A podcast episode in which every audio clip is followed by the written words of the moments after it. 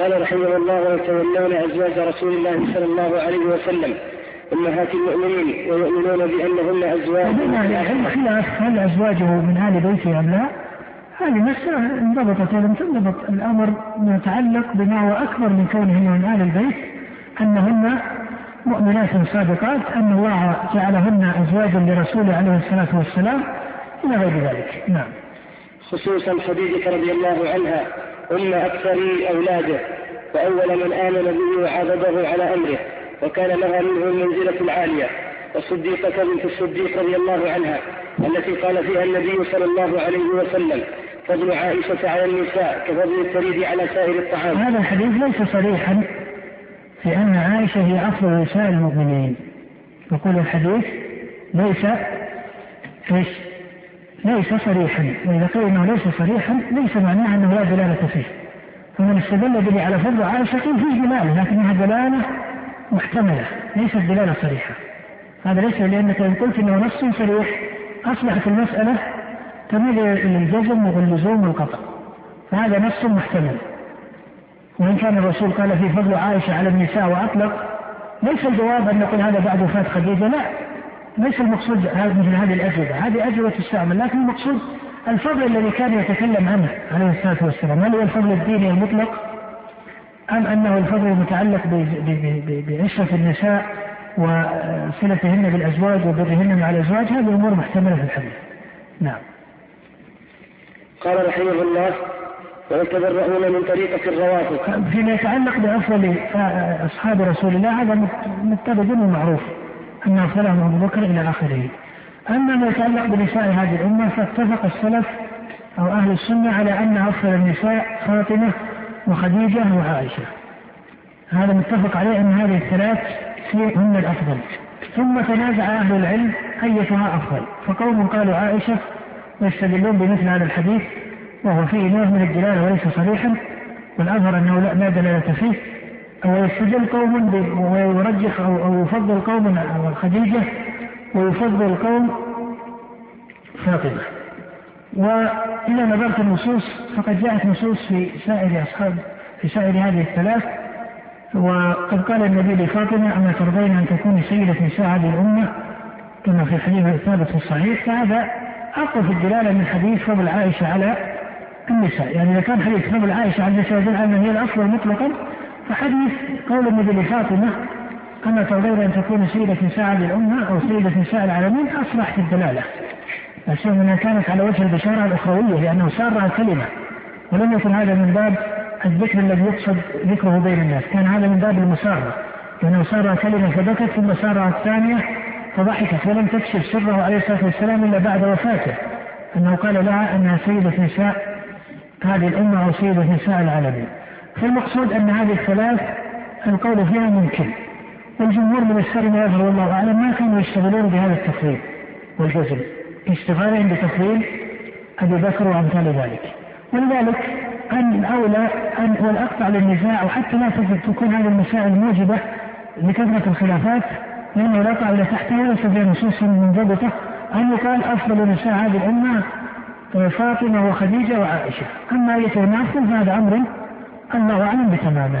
ولكن إذا اعتبرت الأمور القربى فخديجة أو فاطمة أفضل من عائشة في النظر والله أعلم. نعم. لكن أنا أميل إلى عدم الميل إلى عدم العناية بمسألة الترجيح في المسألة. يعني كثرة النظر والقصد للترجيح هذا ليس ليس مقصودا. لا لكونه متعذرا بل لكونه لا لا فائدة فيه فائدة فيه لأنه ليس من باب التراتيب الإيمانية المنضبطة على أخبار منضبطة لماذا قلنا أن تفضيل أبي بكر مقصود؟ لأنه من التراتيب الإيمانية هذه دين وعقيدة أن نؤمن أن أبا بكر هو أفضل الصحابة لأننا بذلك نحقق النصوص الصريحة. أما التفضيل بين خديجة وعائشة وفاطمة هذا ليس في نصوص صريحة. نعم. ويتبرعون من طريقة الروافض الذين يبغضون الصحابة ويسبونهم. وطريقة النواصب الذين يؤذون أهل البيت بقول أو عمل. النواصب ليسوا هم أهل السنة كما زعمت الشيعة وليس النواصب هم بني أمية. إنما النواصب هم من ناصب أهل البيت العداء أو قصد الطعن عليهم هذا يسمى ناصبيا سواء كان من بني أمية أو كان من يعني السنة الذين هم أتباع السلف أو من أهل الطوائف الأخرى الإسلامية التي خارج عن مذهب السلف. الناصبي من ناصب آل البيت العداء أو طعن فيهم فهو يسمى ناصبيا أيا كان اتجاهه، أما تصنيف سائر بني أمية أنهم نواصب هذا غير صحيح، هذه من تصانيف الشيعة. نعم. ويمسكون عما شجر بين الصحابة ويقولون إن, إن هذه الآثار المروية في مساوئهم منها ما هو كذب ومنها ما قد زيد فيه الإمساك عما شجر بين الصحابة سنة من سنن السلف لكن هذا لا يمنع ذكر الحقائق الكلية المنضبطة.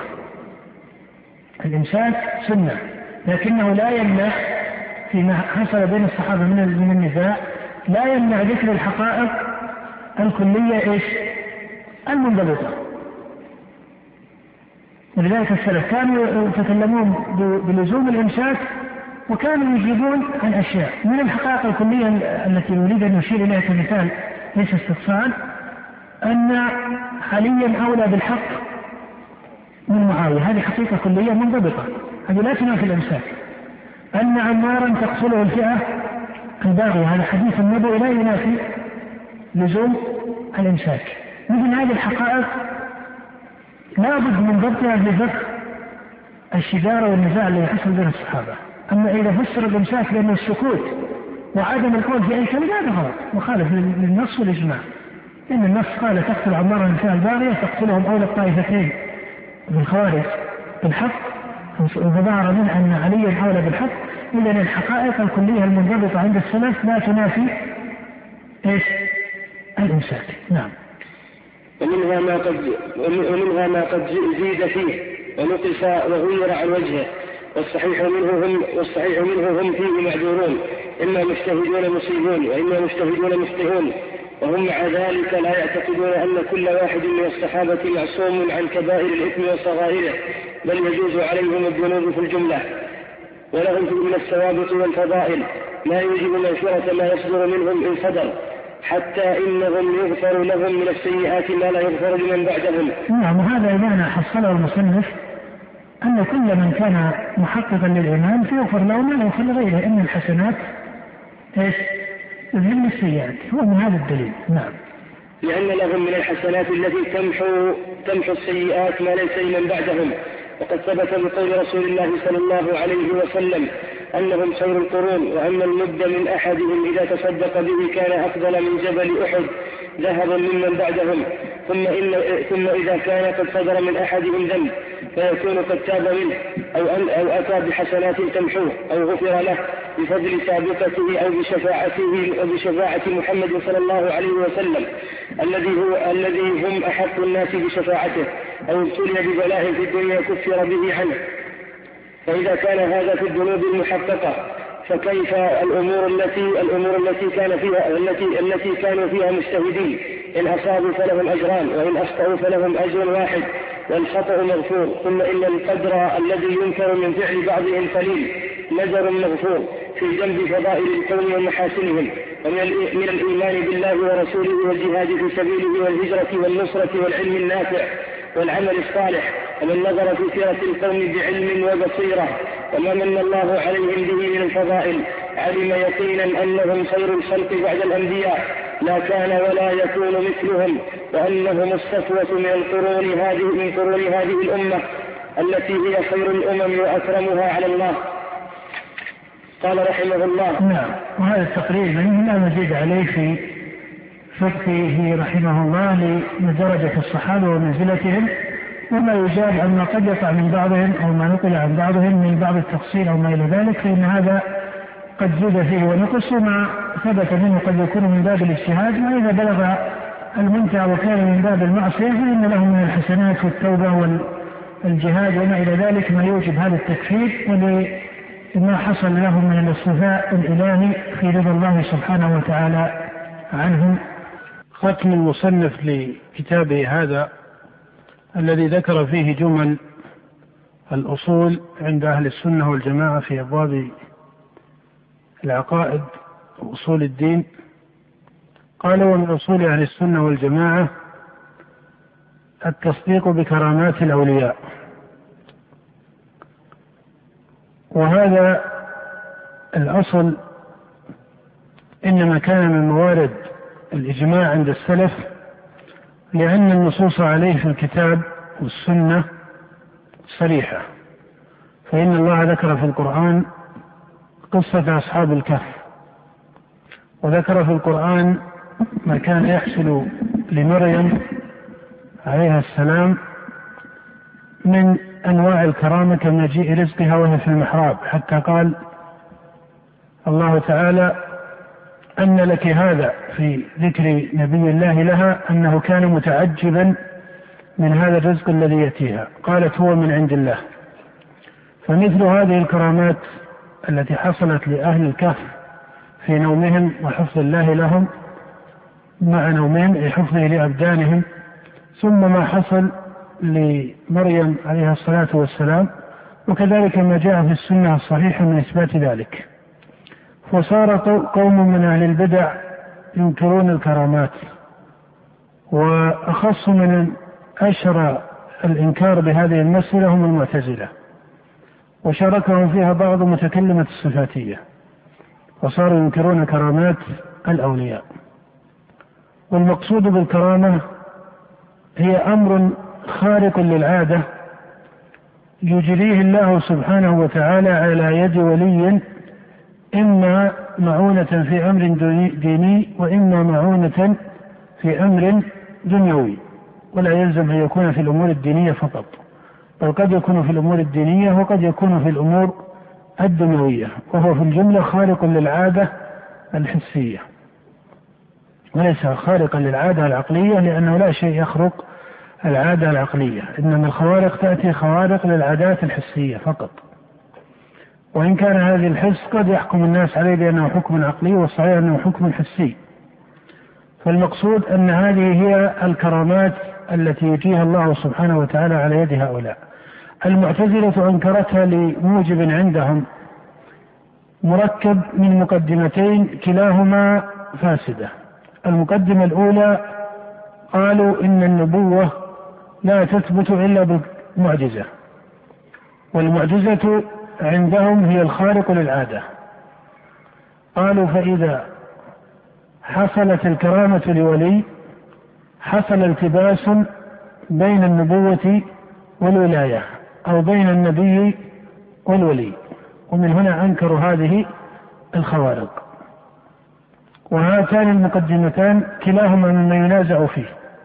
فإن النبوة وإن كانت تثبت بالمعجزة والآية هذا اسمها الشرعي أنها آيات الأنبياء فإن النبوة لا يقتصر ثبوتها على المعجزات فهي تثبت بالمعجزات وتثبت بغيرها. ومعلوم أن الذين آمنوا بالنبي صلى الله عليه وسلم ودخلوا دين الإسلام ممن لقيه أو حتى ممن بلغه دين الإسلام بعد وفاة النبي أن الفئام من الناس يؤمنون بنبوة محمد صلى الله عليه وسلم ويسلمون على ذلك لما يسمعون في دينه من التوحيد أو من الأمر بمكارم الأخلاق أو ما إلى ذلك. وإن كانوا حال إيمانهم ودخولهم في دين الإسلام لا يلزم بالضرورة أنه بلغتهم عنه صلى الله عليه وسلم معجزة من خوارق العادات. وإنما قد يبلغهم ذلك فيما بعد. أو ربما أنه بلغهم ولكن يكون التعليق على إيمانهم هو الأول. فإذا الصواب الذي عليه جمهور المسلمين وهو إجماع عند السلف أن النبوة تثبت بالمعجزة وإيش؟ وبغيرها من الدلائل الموجبة للتصديق. ومن دلائل الموجبة لتصديق النبي والرسول أنه يدعو إلى توحيد الله ويدعو إلى الأخذ بشريعة الله سبحانه وتعالى أي بما شرع وهكذا. فهذا المقدمة الأولى عند المعتزلة ليست صوابا. ولو كانت النبوة لا تثبت إلا بالمعجزة للزم من ذلك أن يكون الإيمان بالنبي معلقا على العلم بإيش؟ المعجزة لو كانت النبوة لا تعرف إلا من جهتها للزم أن الذي يسلم أو يدخل هذا الدين للزم من ذلك أن يكون إيمانه بالنبي مستلزما للعلم بدليل النبوة وهو المعجزة والأمر ليس كذلك. فإن قيل فمن يسلم أيقال إنه أسلم دون أن يعلم دليل النبوة قيل لا. كل من يسلم فقد علم ما هو من دليل النبوة. فمن أسلم لكونه رأى أن الرسول عليه الصلاة والسلام يدعو إلى إفراد الله بالعبادة. فهذا أسلم على دليل من دلائل النبوة أو ليس كذلك؟ أسلم على دليل من دلائل النبوة وهو أن من دلائل صدق النبي أنه يدعو إلى التوحيد. كما أن من دلائل صدقه ما يجيه الله على يديه من المعجزات فهذا دليل وهذا دليل. فإذا هذا هو الرد على المقدمة الأولى. المقدمة الثانية لو فرض جدلا أن النبوة لا تثبت إلا بالمعجزة. فإن هذا لا يوجب أن تكون الكرامة منفية حتى لا تلتبس من معجزة. فإن الفرق بين الكرامة والمعجزة هو متحصل من جهة الفرق بين النبي وبين من؟ الولي. وهذا الفرق الأضبط الذي يمكن أن يكون مدركا حتى للعامة من المسلمين. إذا قيل ما الفرق بينهما قيل الفرق المنضبط أن هذه تحصل لإيش؟ المعجزة تحصل لمن؟ لنبي وهذه تحصل لولي ويمتنع أن الولي يدعي بها النبوة. فإنه لو فرض أنه ادعى بها النبوة لما أمكن في نفس الأمر أن يكون وليا بل هذا يكون كذابا دجالا. فإذا من قال إن هذا قد يخشى منه دعوى النبوة. قيل هذا يمكن فرضه في الخوارق التي تحصل من الكهان لأنهم قد يدعون من الأعمال الخارقة التي يستعملون فيها الشياطين فيدعون بها شيئا من الغيب أو شيئا من النبوة أو شيئا من مقامات الربوبية أحيانا. أما الولي فإن ذلك ممتنع في حقه لأن ولايته تمنع أن يكون مدعيا بها لأن ولايته تمنع أن يكون مدعيا بها ومعلوم أن الرسول عليه الصلاة والسلام إذا قيل إن من دلائل نبوته أنه يدعو إلى التوحيد وقد كان هرقل يسأل أبا سفيان بما يأمركم؟ قال يأمرنا بالصلاة والصدقة والصلة والعفاف. فكانت هذه من موجبات كونه نبيا صادقا. من موجبات كونه نبيا صادقا. فإذا هذا الالتباس الذي فرضه المعتزلة ممتنع. هذا ممتنع من جهة المقدمات النظرية وأما من جهة الوجود الحسي فهو كذلك لأن مسألة الكرامة للولي الموجب الذي طرأ عند المعتزلة لمنعها يلزم اضطراده في الخوارق التي تحصل عند السحرة والكهان وأمثالهم من الكذابين أليس كذلك؟ ومعلوم عند سائر الخاصة والعامة بل حتى عند غير المسلمين أن الكهان والعرافين والمدعين للعلوم الغيبية هم يستعملون الشياطين سواء ممن ينتسب لهذه الأمة الإسلامية أو ممن هو خارج عن أمة الإسلام من عابدة الأوثان من أهل الهند التي تكثر فيها مثل هذه الوسائل أو غيرهم أنه يحصل لهؤلاء الكذابين من الكهان ونحوهم من الخوارق الظاهرة عند العامة. ويكون حقيقة أمرها أنها مما تستعمله الشياطين لهم. ويكون حقيقة الأمر أن هذا مما تستعمله الشياطين لأن الشياطين كما هو معروف في القرآن قد أقدرهم الله على ما لم يقدر عليه البشر. ولذلك كان سليمان من الشياطين من يغوصون له ويعملون عملا. قصتهم مع سليمان معروف ولذلك قال عفريت من الجن أنا آتيك به قبل أن تقوم. من مقامك. فمثل هذا خارق للعادة. فمثل هذه الأعمال التي تصدر بواسطة الشياطين أمر لا يستطيع أحد أن ينكره. لا يستطيع أحد أن ينكره. لماذا؟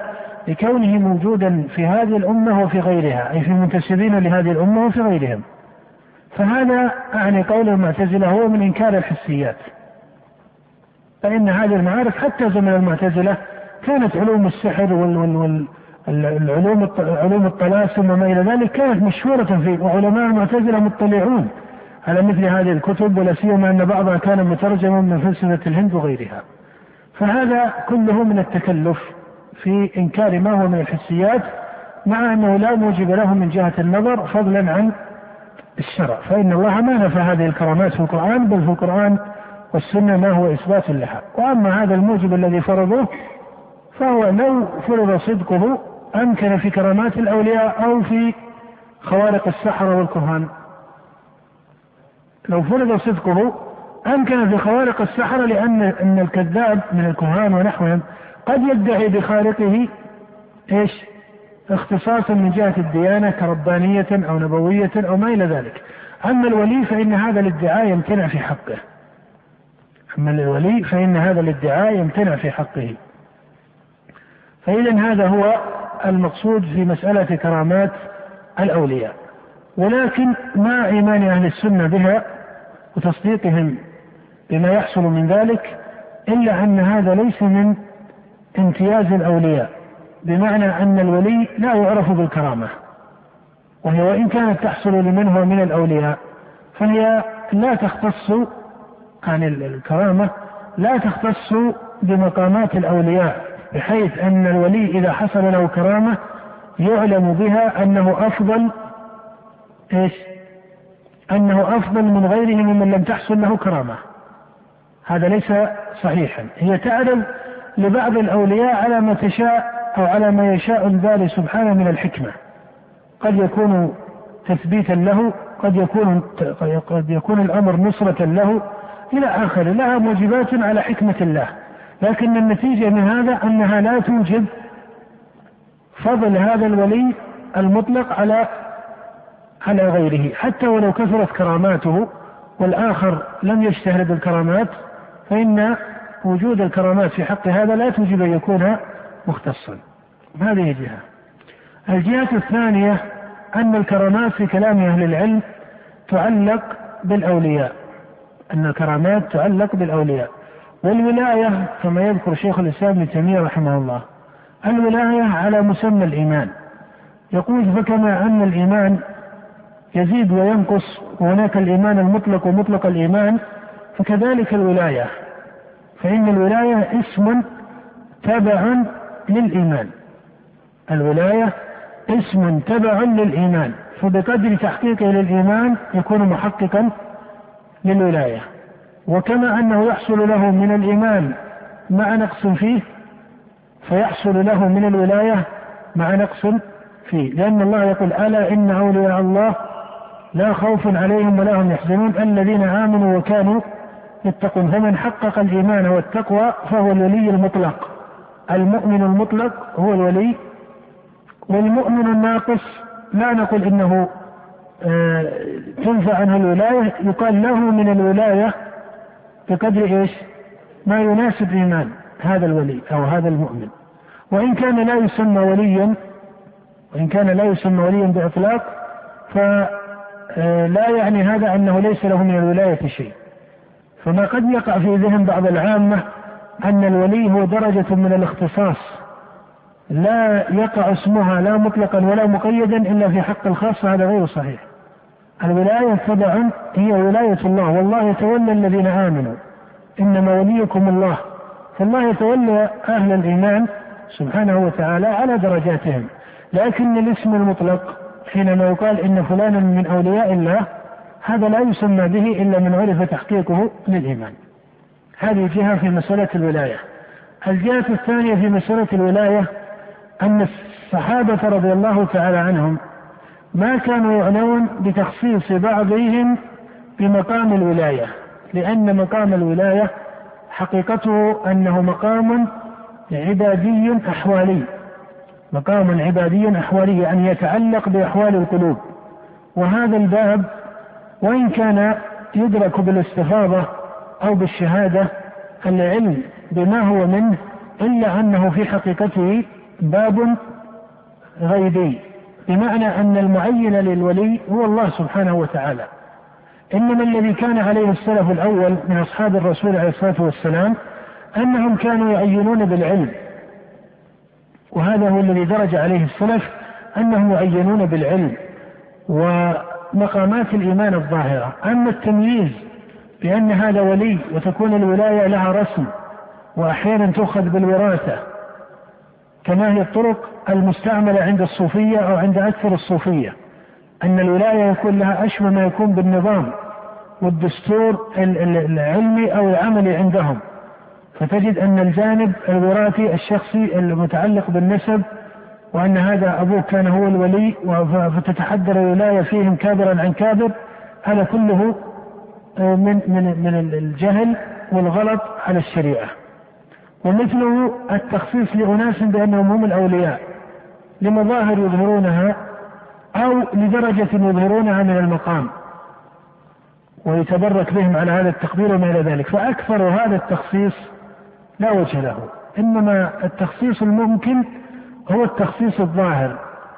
من جنس التخصيص الذي كان عليه الصحابة رضي الله تعالى عنهم إن فلانا اشتهر بالعلم وفلان اشتهر بالجهاد وفلان اشتهر بالفقه وهذا بحفظ الحديث وهذا مجرة وكل هذه المقامات العلمية والعملية هي من مقامات الولاية. أما تقسيم المجتمع بأن هؤلاء هم السادة الأولياء وهؤلاء هم المريدون التبع والمسألة مسألة ترقي والولي هو الذي يحكم لهذا المريد أو لهذا المتقدم أنه وصل إلى درجة كذا ثم يتصاعد إلى أن يصبح وليا هذا كله جهل بالشريعة فإن الولي إن الذي يقبله وليا هو الله وقد يكون هذا الولي في سن في أول عمره وقد يكون هذا الولي من العامة وهو عند الله من الأولياء. فهذه الطرق المترقية عند الصوفية لا شك أنها من البدع المحدثة في تسمية الولاية. فإذا الولاية على هذا التقدير من هذا الوجه.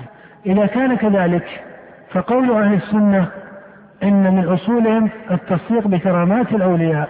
هل الكرامة لا تقع إلا لولي بالمفهوم الخاص؟